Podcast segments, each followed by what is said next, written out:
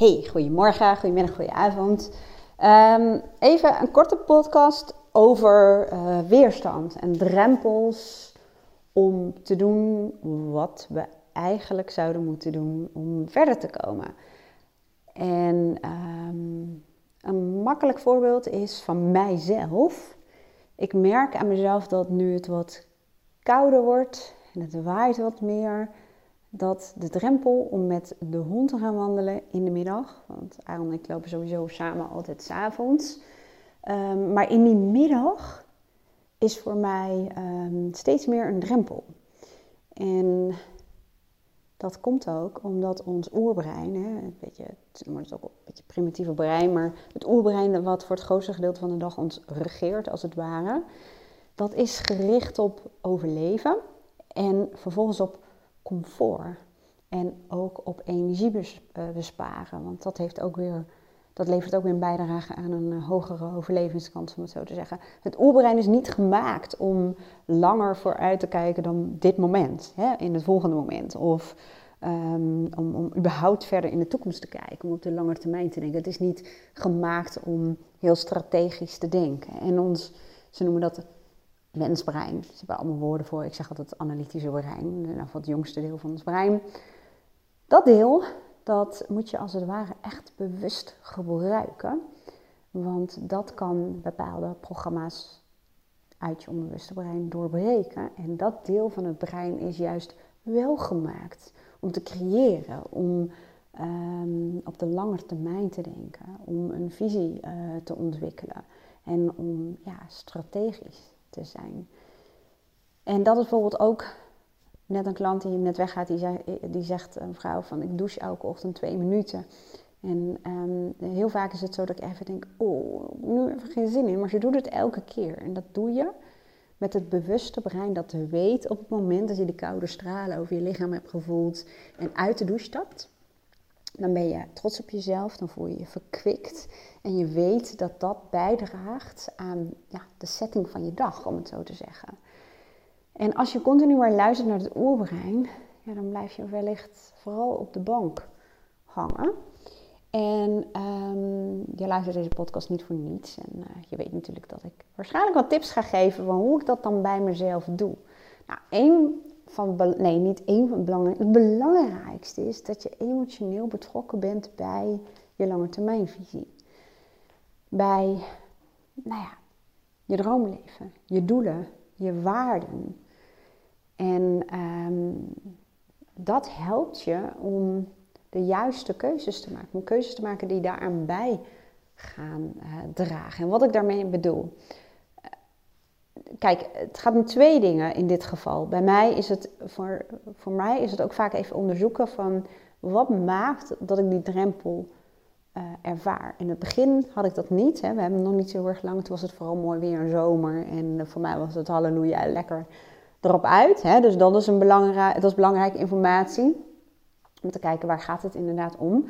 Maar ik merk ook dat er een andere belangrijke behoefte is. Ik kan heel erg in een flow zitten. En dan, uh, dan stroomt ja, dan creëert het makkelijker. Dan, dan stromen dingen uit mijn vingers en uit mijn hoofd. En als ik dan een uur ertussenuit ga om te wandelen, dat voelt voor mij als belemmerend. Dus allereerst is het belangrijk, dat noemen ze ook het onderzoeken van de waarde van weerstand. Dat is gebaseerd op de interventie kaart van Mario Korrel. Hè, daar heb ik ook een course, een onderdeel van een course aan gewijd. Het is belangrijk om de waarde van weerstand te onderzoeken. Van wat zijn belangrijke behoeften en aannames die je hebt en, en angsten. Daar ga ik niet te diep op in, maar het is voor mij wel belangrijk om te weten waar zit het hem in. Is het met name die drempel vanwege het weer?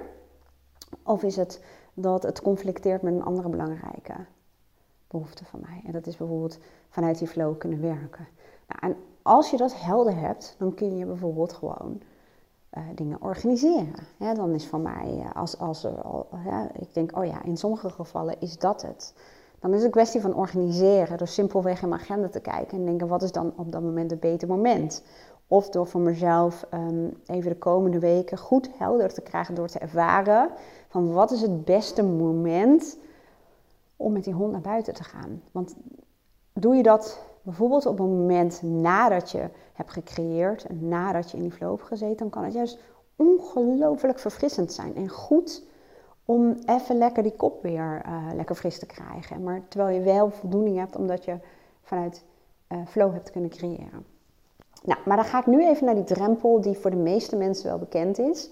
En dat is bijvoorbeeld de drempel die heel veel mensen nu ervaren om erop uit te gaan. Hè? Um, terwijl ik weet dat als ik eenmaal loop en ik vind die kou op mijn gezicht, die vind ik echt heerlijk. Ik vind het echt heerlijk gewoon. En ik vind de natuur in elk seizoen gewoon heel erg mooi. En in de herfst kan ik enorm genieten van de geuren en de kleuren. Nou, dat zul je allemaal wel herkennen. Alleen mijn oerbrein die zegt, blijf lekker binnen. En die probeert mij te verleiden. Zo van, ja, we hebben een hele grote tuin wonen in het bos. Dus um, in principe zou ik de hond ook gewoon naar buiten kunnen doen. Dan kan ik gewoon doorwerken, bij wijze van spreken. Dat wil het oerbrein me eigenlijk um, daartoe verleiden, om het zo te zeggen. Nou, wat ik dan doe, ik maak even heel bewust connectie. Dat klinkt een beetje vaag, maar wat ik daarmee bedoel is dat ik niet alleen maar een rijtje opsom van voordelen als ik wel ga, want dat is een rijtje, dat is redelijk rationeel wat je aan het doen bent.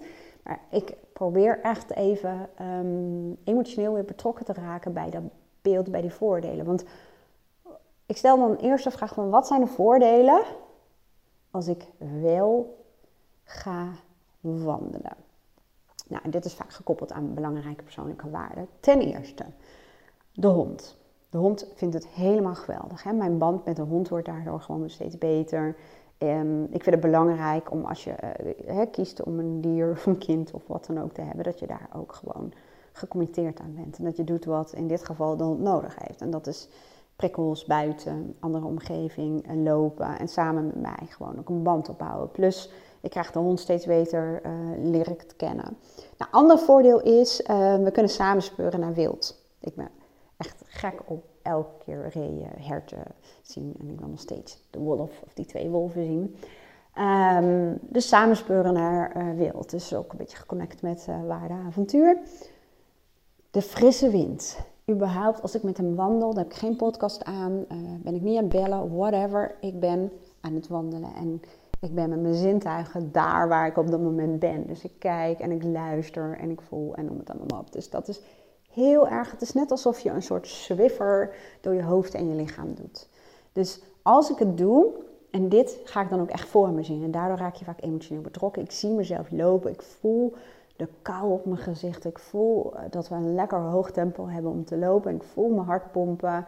Ik zie op mijn horloge, als ik dat zou bekijken, want dat doe ik eigenlijk achteraf, Um, dat het uh, bij wijze van spreken een goede workout is. Het is goed voor mijn lichaam. Ik doe het voordat ik ga lunchen. Dus dan merk je dat je, um, in elk geval in mijn uh, lichaam wel, dat het verbrandingsproces heel goed gaat. En dat ik daarna mentaal gewoon scherp ben. Um, daarna voel ik me gewoon heerlijk. En uh, kan uh, ook allerlei informatie even verankeren in mijn brein. Ik moet het ook in je brein laten fladderen. Nou, door me daar een voorstelling van te maken, dus niet alleen enkel het rijtje van voordelen, maar ook letterlijk een voorstelling van te maken van als ik het ervaar en naderhand, merk ik dat de drempel als het ware zakt.